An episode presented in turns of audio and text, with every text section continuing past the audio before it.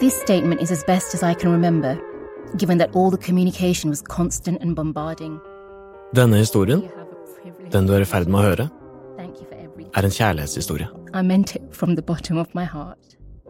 Det er en forvridd kjærlighetshistorie, fylt med død, løgner og vitnebeskyttelsesprogrammer. Men det er likevel en kjærlighetshistorie. Helt til det ikke er det lenger. This is killing me. When all conversations are aligned by date, you can also see how consuming the bombardment was. Matters were somehow always urgent, sensitive, or too serious. Much ghosting and gaslighting taking place. Denne historien begynner i starten av 2010. For 14 år siden, da gravjournalisten Alexi Mostrus snubla over saken. I'm an investigative reporter, and this summer I was working on a story about online porn. Alexi holdt egentlig på med en annen historie. Om porno på nett, og han hadde avtalt å møte en kilde til lunsj. We meet at a restaurant just off Oxford Street. He had some files that he wanted to show me. London har nettopp eh, kommet ut av koronapandemien. Det er forsommer og et surr i luften. The source and I, we sit down and order tapas. And he shows me the information, and it's good.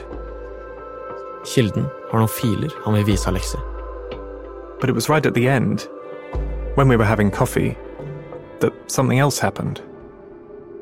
The source hands me a document, a witness statement. Nothing to do with porn. The events in this account are simply the general gist of events over a period of a decade, but things were happening practically daily. Kilden overleverer mer materiale til Alexi Mostrus. Han selger det inn og sier dette er den sykeste saken jeg noensinne har sett. And you know what? He was right.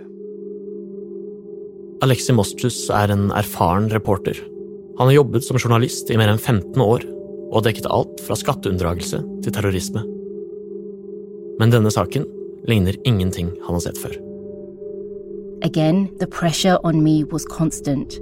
My freedom and independence became less and less, while the power and control over me became increasingly constant and intense. Dette er historien om en kvinne som heter Kirat, og en mann som heter Bobby. Om hvordan Bobby manipulerte Kirat i over ti år. Hvordan han ødela karrieren hennes, vennskapene hennes, sjansene hennes til å stifte familie, og nesten livet hennes. Det her begynte kanskje som en kjærlighetshistorie, men det ender opp som noe helt annet. Dette er Elskede Bobby, en podkastserie i seks deler fra Tortoise. Oversatt til norsk av produksjonsselskapet Banda for Podme. Jeg som forteller, heter Tord Kinge. Første episode Tilfeldigheter.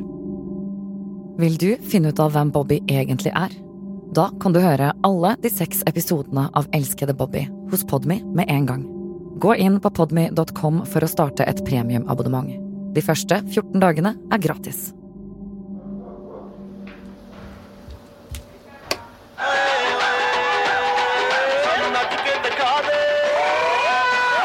This is Desi Radio on 1602 AM and satellite channel 0169. It's the Fungo Road Show with myself, Kira, keeping you company. I say all the way till 6, there's not that long to go, especially when you're having fun. Hanji, maza le rahe hain tusi ke nahi? आज Dette er Kirat Assi. Hun er programleder på den lokale radiostasjonen Desi Radio. Hello, Desi Radio. Hun sender direkte hver torsdag mellom to og seks. Oh, det er mye å holde orden på, men Kirat er proff. Okay, I'll definitely get one on for him. You um, might not um, get through. You might have to wait around on the phone.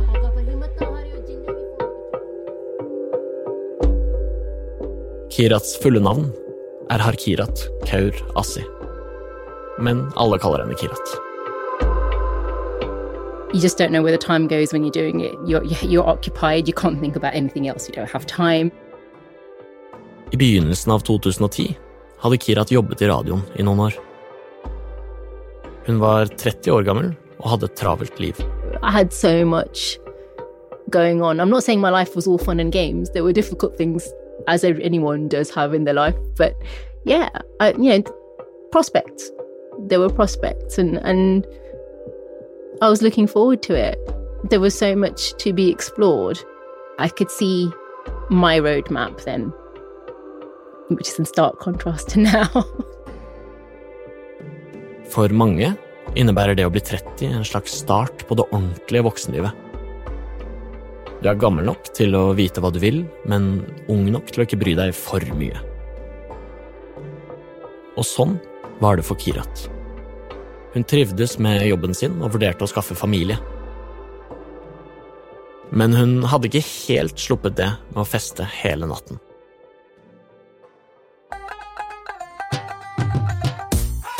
There used to be a regular night called Bombo Bronx. Um, it used to be once a month, and all of us would kind of get together, no matter where we were, what we were doing, we'd all end up there.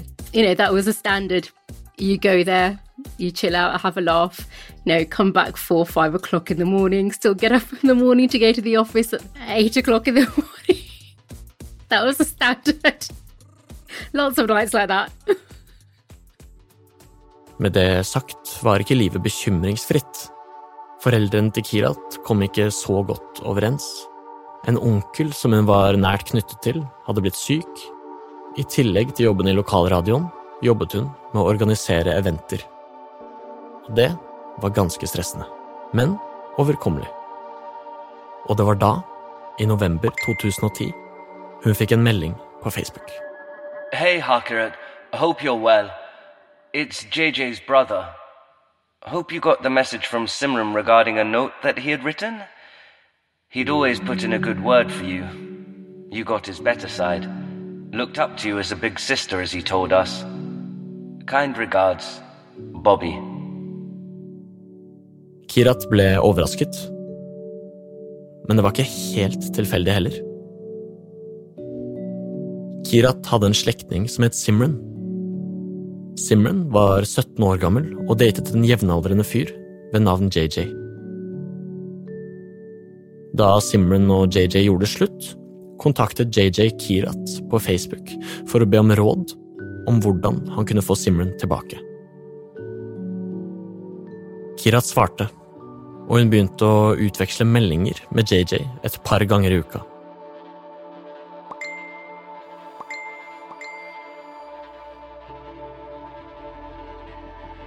Og plutselig, som fra ingensteds, døde JJ. Han falt bare sammen en dag, i august 2010, tydeligvis på grunn av en slags allergisk reaksjon. Kirat visste ikke helt hvordan hun skulle reagere. Det var selvfølgelig forferdelig, men hun kjente han knapt, og det var egentlig ikke så mye hun kunne gjøre. Så hun fortsatte som vanlig. Omtrent en måned senere skrev altså Bobby JJs storebror til henne. He'd contacted me to say, you know, thank you for being so kind to my brother and all that kind of thing, and gave my condolences. Started, you know, ended up speaking to the brother. Kirat hadde aldri møtt Bobby, men hun hadde hørt om han. De kommer fra det samme trossamfunnet. Kirat og de fleste andre i denne historien er sikher. Og samfunnet med sikher i England er tett sammenspleiset. Everyone knows of each other, and news spreads like wildfire in our community. Og det var en annen viktig kobling mellom Bobby og Kirat. So, and then we've got the whole Kenya community, two degrees of separation. De siste ca. 150 årene har mange indere emigrert til Kenya. Derfor har mange britiske sikher fortsatt nære forbindelser dit, og mange familier har tette forbindelser til hverandre. Så da Bobby skrev til Kirat på Facebook, kjente hun ham vagt igjen gjennom felles venner og familie i Kenya. Derfor var han også en som hun instinktivt hadde tillit til. I tillegg kunne hun se på Facebook-profilen hans at han hadde deltatt på noen arrangementer som hun selv hadde vært på, og at han var venn med noen av fetterne hennes. Så langt virket alt normalt, men det var ikke det. Hvis dette var en film, ville det vært en psykologisk thriller. Og en hovedregel når det gjelder psykologiske thrillere, er ingen spoilere. Men her skal vi gjøre et unntak. For å forstå denne historien er det noe du bare må vite. At Kirat stolte på Bobby på dette tidspunktet, var forståelig. Det var rimelig. Men for Kirat viste det seg å være en feil som skal få store konsekvenser. Og her kommer spoileren. Bobby er ikke den han utgir seg for å være. Bobby var en fiktiv karakter en sentral figur i en avansert catfish-svindel. Det betyr at noen utga seg for å være Bobby på nett, med hensikten å trekke Kirat inn i et nett av løgner. En så sofistikert svindel at alle ekspertene, advokatene og kriminologene som du vil høre i denne serien, aldri har sett noe lignende. Oh my god, where to start? What the hell has been going on? It's, it's truly remarkable.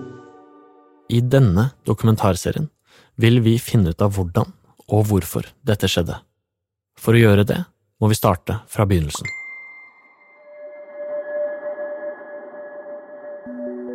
Der og da, i 2010, hadde Kirat mottatt noen Facebook-meldinger fra Bobby. En stilig kardiolog altså en lege med spesialisering innen hjerte og blodårer, som nylig hadde mistet lillebroren sin. He was the good big brother did everything right. It was, you know, like, you know, oh, he's the goody goody, he's married and he can't do anything wrong. You know, he's always doing the right thing by the family. Men med tiden begynte samtalen å endre seg. He started talking to me more regularly and things were going wrong in his life. He was confiding in me. Sorry to disturb you. I just needed help and thought of you first. Det lyste ingen varsellamper for Kirat. De hadde felles venner, hun kjente til familien hans, og han var gift, så det virket ikke som om det handlet om noen flørt. Det var tydelig at Bobby hadde tillit til Kirat. What can you do? You be kind to somebody, right? He's just lost his brother. I didn't have any reason to question it. You know, we know the family exists. Again, there's mutual people who are on there. Obviously, our families are connected. While I didn't know him personally, there were people in between that I knew personally. It was a respectable family. It, it didn't have any reason to doubt it. And again, there was no reason to think that he was hitting on me or anything like that because he's a married man. Så de fortsatte å holde kontakten, og Kirat og Bobby ble bedre kjent med hverandre. They'd learned that his wife was expecting a baby. He was super, super happy. He was you know, working in a hospital at the time, and downtimes he'd like message me on Facebook. We had conversations about what he wanted to call the baby, if it was a boy or a girl, and I, I did find it a bit strange that he was talking to me about it because it's something that you should be talking to his wife about. Gravejournalisten Alexi Mostrus prøver å forstå hvordan Kirat og Bobbys forhold utviklet seg. Uh, how many times a day were you speaking to him at this point, or a week? I mean, we weren't talking every day. It was just whenever he approached me, so to speak. And the thing is, it wasn't like a Facebook Messenger situation necessarily. So there'd be like a long message from him, then there'd be a long response from me, almost like you were pen pals almost. So it's not instant communication like you think of it right now. Under arbeidet med denne serien har Alexi gått gjennom titusenvis av meldinger mellom Kirat og Bobby. Han har tilbrakt utallige timer i boblen deres. And something that's interesting to me at this point is that Kirat wasn't being bombarded with messages from Bobby. I begynnelsen var de bare som brevvenner. Again, you know, I never felt the need to ask for a phone number or anything like that. I didn't know where he lived. I didn't, I didn't know anything, to be honest. And I wasn't curious either because I didn't really need to know. Uh, you know, I had my own life going on here, so I was just being a shoulder to cry on. Månedene gikk, og Bobby fortalte Kirat at det lykkelige livet hans var i ferd med å kollapse. Han skulle skille seg, sto i konflikt med familien, og stresset påvirket helsen hans. Everything is just becoming all too much. Work, too. Just taken time off, made a few decisions. But I really wouldn't be where I am, taking the path without your wise words of wisdom. Drinks are on me when I'm back. Make that two rounds since I missed your birthday, too. Og når Bobby begynte å dele åpent om sitt liv, begynte Kirat også å åpne seg. Hun delte personlige ting, for eksempel om partneren sin, som hun hadde et av og på-forhold til, og hvor krevende han var. Det kan være vanskelig å forstå hvordan man kan komme så nær noen uten å ha møtt dem i virkeligheten. Men Kirat tilhører en generasjon som har vokst opp i en verden der relasjoner på internett kan være like naturlige og nære som en hvilken som helst annen relasjon. En forskjell er at hvis du møter en fremmed på gata og begynner å snakke, så har du veldig lite informasjon å forholde deg til. Men på internett finnes det massevis av opplysninger tilgjengelig. Du kan se hvilke politiske meninger de har, hvor gamle de er, det finnes et mønster å lese av. Og alt dette kan du bruke for å komme nær noen, veldig raskt. Dette har sine fordeler, men også baksider. For risikoen for å bli lurt og manipulert er åpenbar. So um, I'm Harvey. I met Kirat for the first time when I started school at seven years old, and I've known her since. So we've known each other for about 35 years now. Dette er Kirats beste venn, Harvey. So I guess you could say she started off as a school friend, then she became a family friend, and now she's more like a sister to me. Da Harvey fikk høre om denne nye vennen, Bobby, ble hun umiddelbart mistenksom. It it was quite weird because I thought even when he was her friend that she would talk to, it was a weird relationship. Bobby hadde nettopp forlatt kona. Livet hans var kaotisk. Var det virkelig det Kira trengte akkurat nå? Men Harvey visste også noe om vennen sin. Kirat var den typen person som alltid gjorde mer enn det som ble forventet av henne. Som alltid stilte opp og hjalp uansett hvem som ba om det. Det gjorde henne sårbar. Again, this is Kira all over. Like if she feels people need her, she will be there 100%. And that's what it was. It was like she really felt like they needed her. So she was there. She would help anyone in need. So even if she hadn't met these people physically, she felt needed and she did as best as she could. Harvey var urolig for hvor dette var på vei, og med fasit i hånden hadde hun rett til å være det. Why? Why do you want to do that to me? Why are you so adamant on hurting me?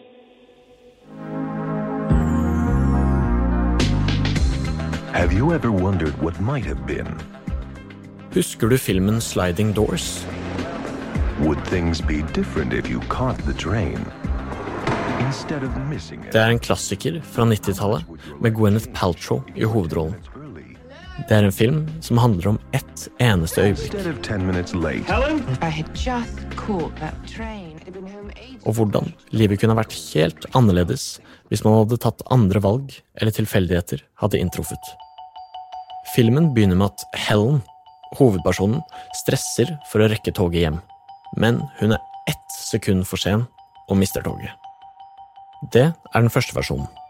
Så spoles filmen tilbake, og denne gangen, i den andre versjonen, rekker Helen toget, og hun kommer hjem akkurat i tide for å finne kjæresten sin i sengen med en annen kvinne. Filmen handler om hvordan en brøkdel av et sekund kan forandre alt. For Kirat kom hennes Sliding Doors-øyeblikk våren 2011. Da var sannheten rett foran henne, uten at hun selv fikk øye på den.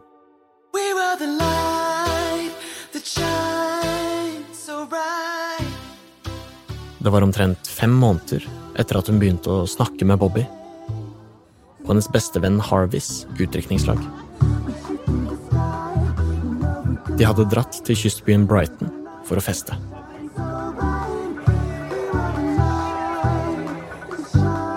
So we went out, and yeah, it was a re- really cheesy club called Lola's, and I think it was a Hawaiian themed, like palm trees, Hawaiian shirt kind of club.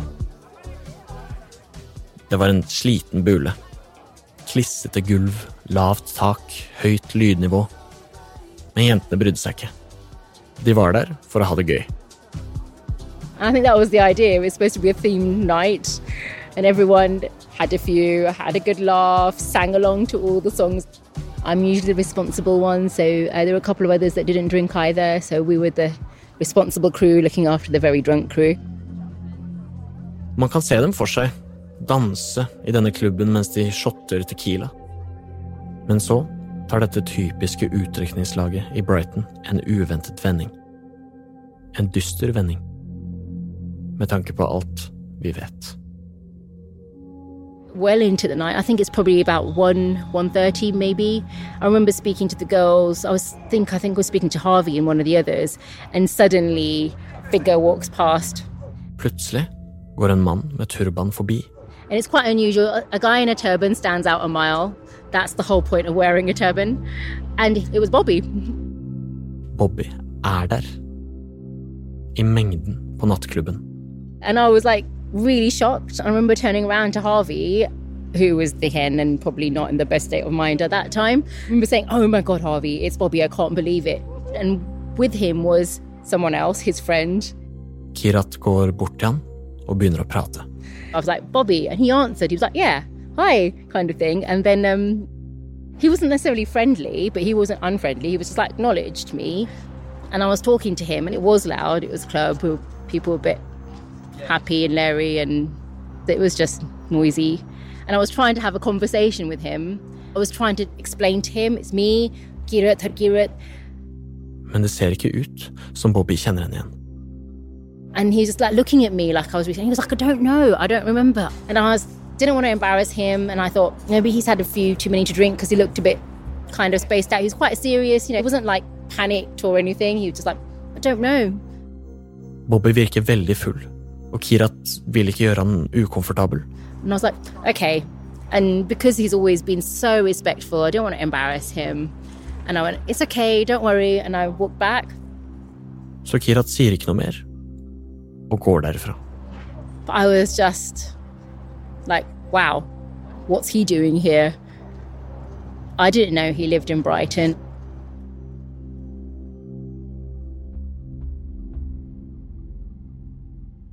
Det var en vill tilfeldighet.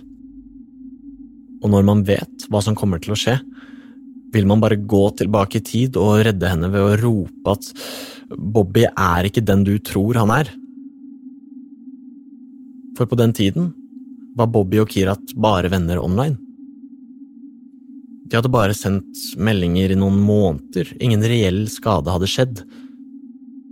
Og hvis klubben bare hadde vært litt stillere, eller hvis de hadde møttes noen timer tidligere, da kunne Kirat ha funnet ut av sannheten, og reddet seg selv fra over et tiår med smerte. Men det skjedde ikke.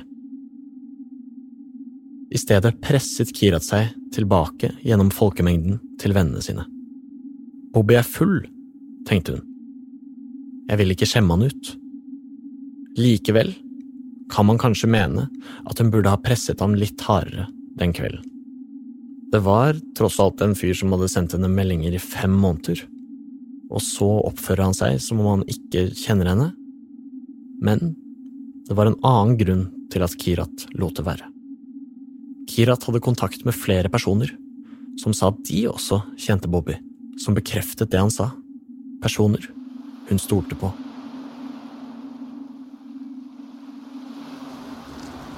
Thinking back on that night now, and with everything else that's happened, I do feel like sometimes I might have been a bit of a muggins.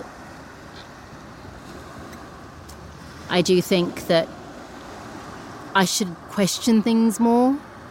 If I just pushed him and said, Come on, it's me, and made him talk to me, I might not have had to go through the last 10, 13 years that I have. It could have been so different. But what do you do at one o'clock in the morning in the middle of a club?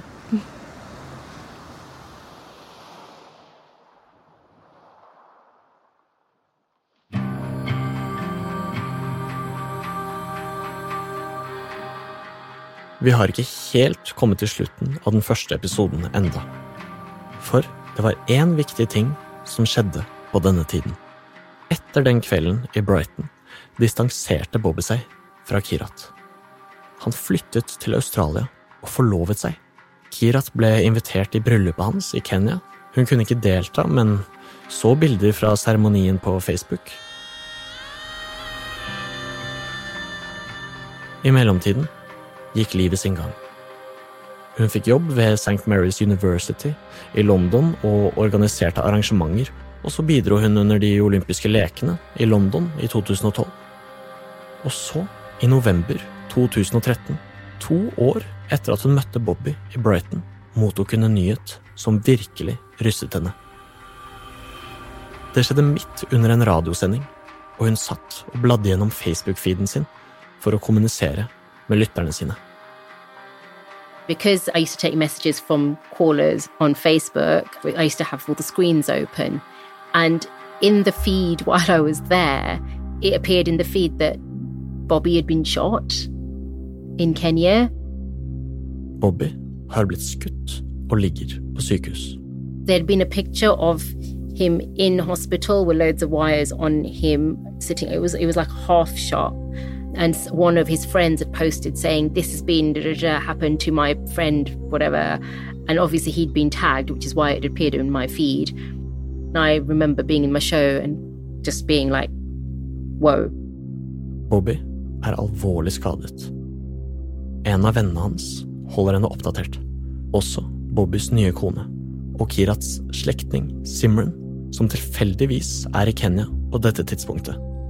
I løpet av de kommende ukene kunne Kirat lese oppdateringer om hvordan Bobby svevde mellom liv og død. Hun følte seg hjelpeløs, fanget i et annet land. Hun kunne bare vente på å få oppdateringer om hvordan han hadde det. Og så en dag, etter flere uker, våkner Bobby. I remember that you used to be my brother's friend. He had told me lots about you. Please help where you can. Feels as though I've just lost a great relationship. Dette var en av de første meldingene Bobby sendte til Kirat etter at han våknet fra koma. Han sa han hadde mistet hukommelsen, i hvert fall deler av den, og ba Kirat om å samle sammen brikkene. Hvor lenge er det siden vi ble kjent nå?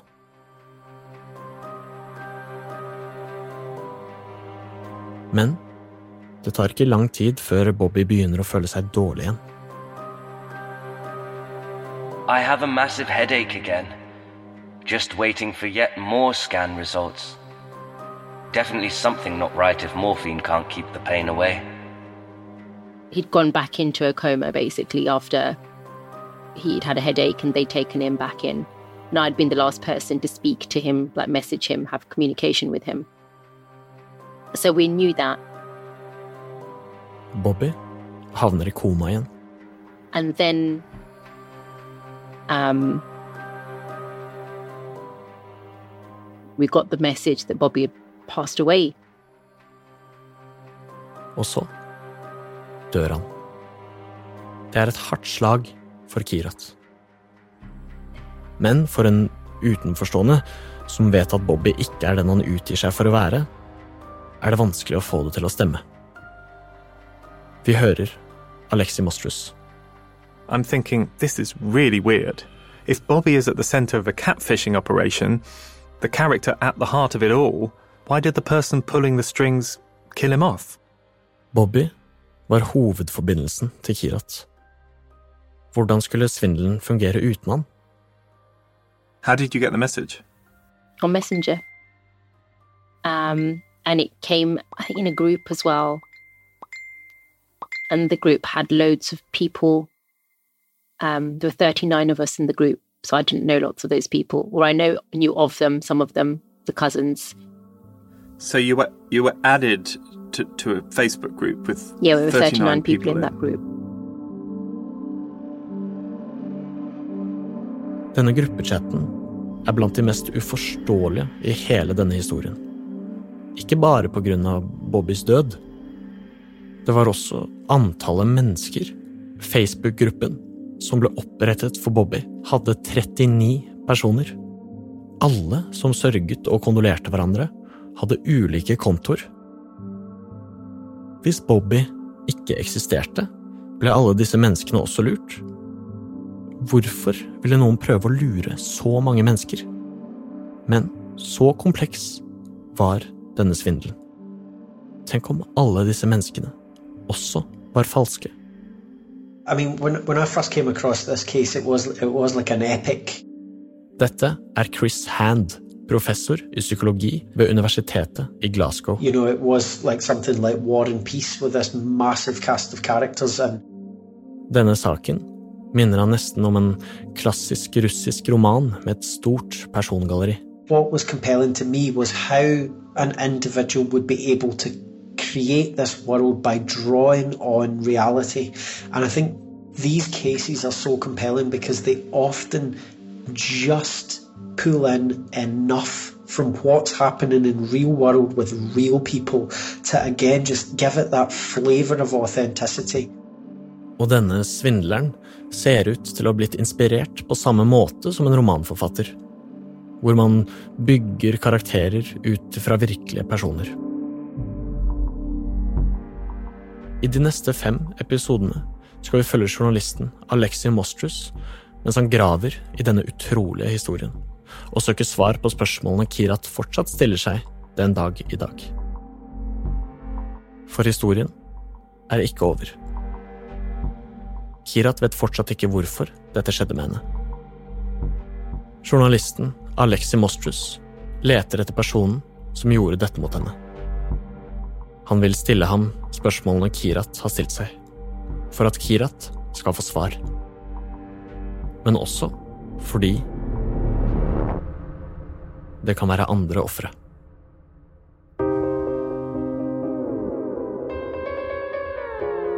I neste episode av Elskede Bobby får du høre om hvordan svindelen blir enda mer absurd, og hvordan den tar fullstendig over Kirats liv. Og Alexi prøver å finne ut mer om den virkelige Bobby. Hva er det som er ekte, og hva er falskt? Var han bare en uskyldig statist i alt dette? Ja, og en siste ting. Hi. So you spoke to Bobby? Yeah, I spoke to him and him and his friends. Bobby er i live. Vil du finne ut av hvem Bobby egentlig er? Da kan du høre alle de seks episodene av Elskede Bobby hos Podmy med en gang. Gå inn på podmy.com for å starte et premiumabonnement. De første 14 dagene er gratis.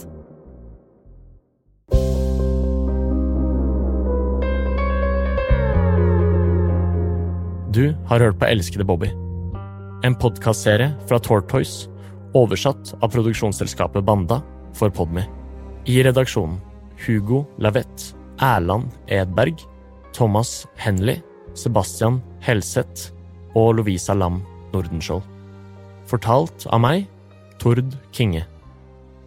Eksekutiv produsent for Podme var Timmy Strandberg og Regine Døsen Christoffersen. Ansvarlig redaktør er Kristin Vård Heimdal.